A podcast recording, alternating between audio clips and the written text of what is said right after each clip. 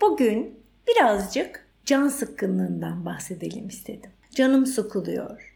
Yapacak şey bulamıyorum. Canım sıkıldı. Özellikle yaz tatillerinde çocuklarımızdan çok duyduğumuz cümleler. Bunları duyduğumuzda da genellikle ne yapacağımızı bilmeden onlara bir şeyler yapmalarını öğütlerken ya da önlerine yapacak şeyler listesi koyarken buluruz kendimizi. Peki can sıkıntısı bu kadar kötü bir şey midir? Bir an evvel üstesinden gelinmesi gereken bir durum mudur? Birazcık bu konuyu açalım isterseniz.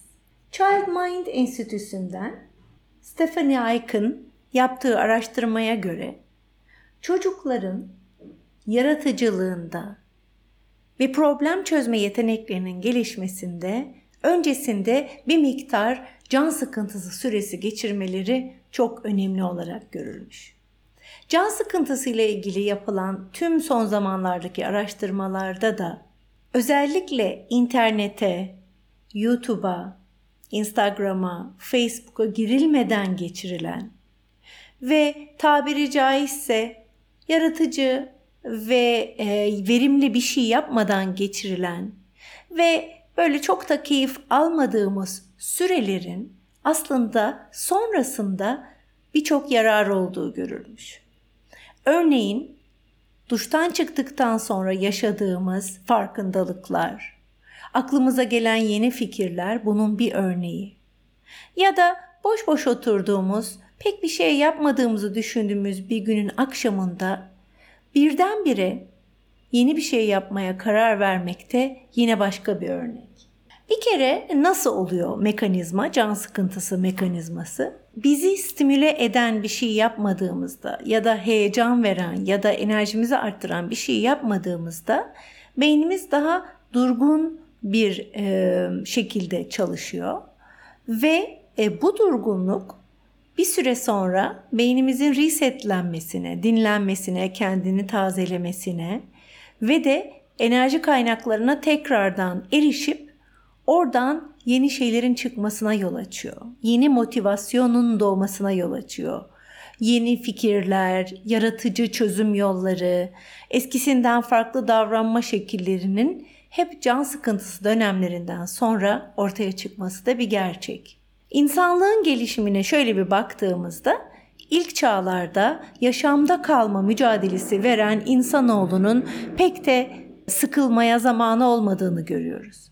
Yavaş yavaş sanayi devrimiyle birlikte makinaların devreye girmesi, insanların çalışma ve yemek pişirme, e, çocuklara bakma dışındaki zamanlarının da ortaya çıkma, çıkmasıyla birlikte can sıkıntısı kavramı da gündeme geliyor ve uzun süre bunun kötü bir şey olduğuna inanılıyor ve de üstesinden gelmeye çalışılıyor, kapatılmaya çalışılıyor. Hemen canı sıkılan kişi kendine bir uğraşa boğuyor. Günümüzde de çoğu insanın yaptığı gibi canı sıkılan kişi internete dalıyor, ekrana bakıyor, bir dizi seyrediyor ve bir şekilde kendini tırnak içinde oyalıyor. O vaktin sıkıcı bir şekilde geçmesini engellemeye çalışıyor. Ama biraz evvel de söyledik Son zamanlarda yapılan araştırmalar bunun böyle olmadığını ve aslında bir miktar can sıkıntısının hem çocuklar için yararlı olduğunu hem büyükler için yararlı olduğunu gösterdi. Bir de özellikle çocuklar için can sıkıntısı dönemlerinin şöyle bir ayrıca yararı var. Çünkü çocuklar e, neden canım sıkıldı derler o anda keyifli bir şey yapmadıkları için ya da hareketli bir şey yapmadıkları için belki o anda ebeveynleri onlarla direkt ilgilenmediği için.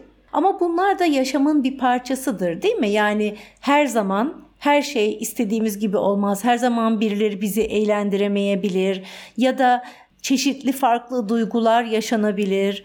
Ee, daha e, düşük enerjili süreçler yaşanabilir. Çocukların dolayısıyla can sıkıntısı fikrine alışmaları, canlarının sıkıldığı dönemler olması o yüzden bizi endişelendirmemeli ve çocuklarımızın yaşama karşı daha güçlü ve daha hazır olmalarını sağlayacak bir dönem olarak da bunu görmeliyiz bence. E, merak ediyorum e, can sıkıntısına bu şekilde bakmak size yeni bir bakış açısı kazandırdı mı? Can sıkıntısı dönemlerinde böyle çok fazla sizi stimüle etmeden hafif oyalayacak birkaç müzik önerisini de buraya aşağıya koyuyorum. Sevgiyle kalın, anda kalın.